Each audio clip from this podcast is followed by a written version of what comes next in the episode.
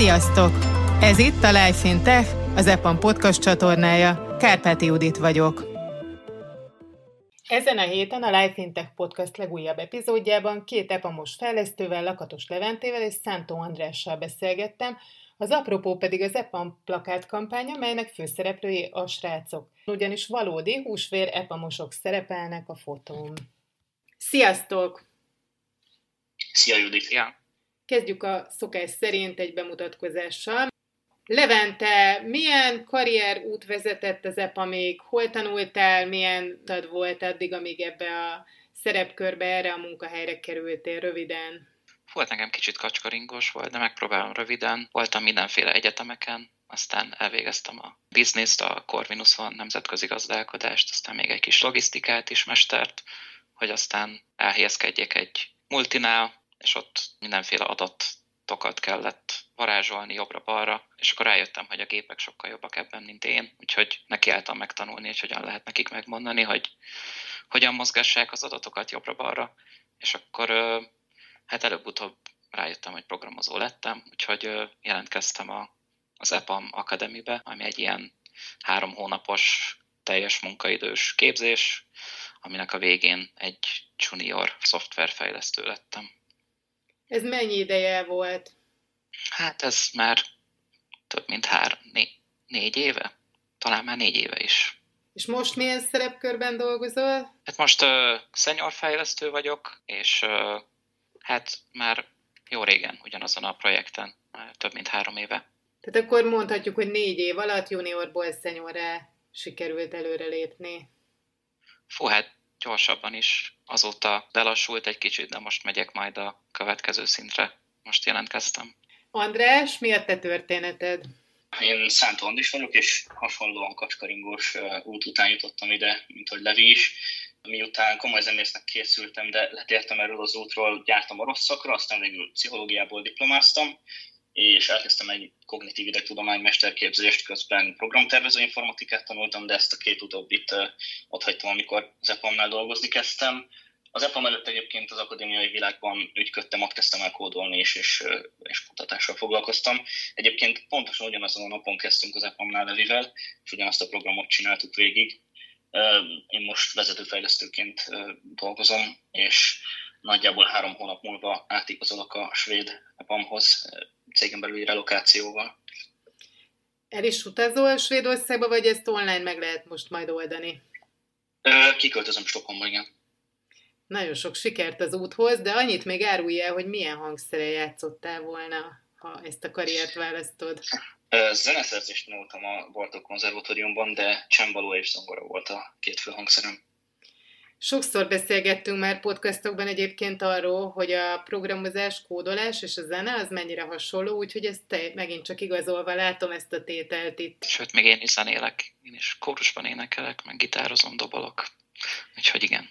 A mai podcastunknak egyébként a témája egy teljesen más téma, mégpedig a plakát kampánya az EPAM-nak, amin ti szerepeltek, a város különböző pontjain tűnik fel ez a plakát, illetve online is hirdetések formájában.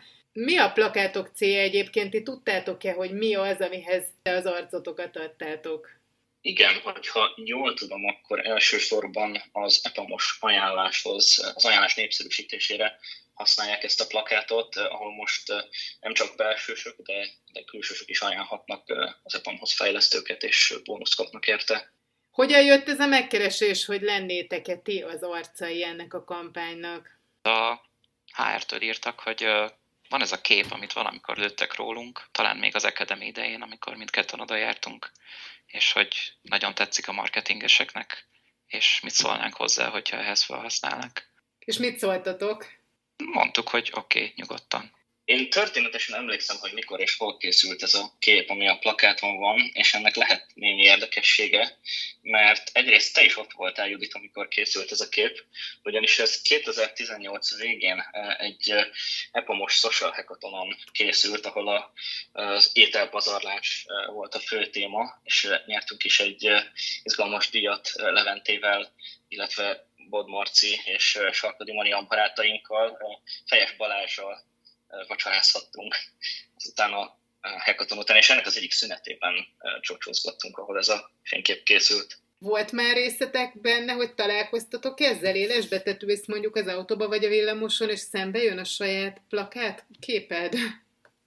Fú, hát én még élőben nem láttam de folyamatosan küldik az ismerősök, hogy, hogy hol látják. Na épp ezt akartam kérdezni, hogy akkor lett ebből egy ilyen érdekesség az ismerősi, baráti, családi körbe, hogy, hogy időnként küldenek fotókat, hogy na itt megint csak feltűntél, feltüntetek?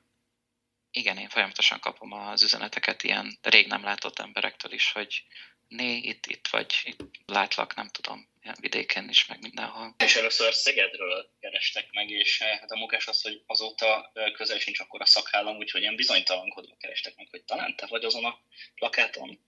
Ez minden esetre érdekes, hogy volt egy ilyen epizód az életetekben, hamarosan véget fog érni ez a kampány. Mit gondoltok, hogyha ti látnátok egy hasonló hirdetést, érdekelne benneteket egy ilyen lehetőség?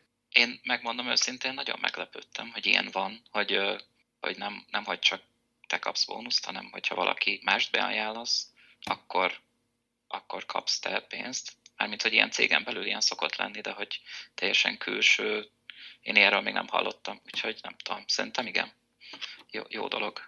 Én is hasonlóan gondolom, szerintem ez, ez így elég egyedi felállás, hogy cégen kívüli ember is bónuszt kap azért, mert olyan valakit. Úgyhogy igen, valószínűleg én is élnék vele. Mi lenne az, amit mondjuk ti, mint a plakát arcai elmondanátok annak, aki, akit frissen ajánlanak, és mondjuk előtte áll még annak, hogy egy ilyen interjúkörön részt vegyen? Én talán arról mesélnék neki, hogy nagyon más az EPAM-nál dolgozni, mint egy olyan cégnél, amely kizárólag saját termékeket fejleszt, ugyanis ad egy nagyon nagy biztonságot az, hogy a legtöbb olyan dolog, ami miatt valaki felmondana a cégénél, olyan, amit lehet cégemből orvosolni, az ember átkerülhet egy másik projektre, úgy, hogy közben a karrierje ezt nem sínli meg. Nagyon sok olyan tréningprogram, tanulási lehetőség van az EPAM-nál, amik hosszú távúak, és az, hogyha az ember közben egy másik projektre kerül, az egyáltalán nem szakítja ezt meg, nem teszi nehezebbé, és szerintem ez meglehetősen egyedi és nagy lehetőség. Köszönjük, hogy ismét velünk tartottatok. A következő adásig pedig olvassátok interjúinkat, cikkeinket a Life Intech blogon, és hallgassátok a korábbi beszélgetéseket itt a csatornán.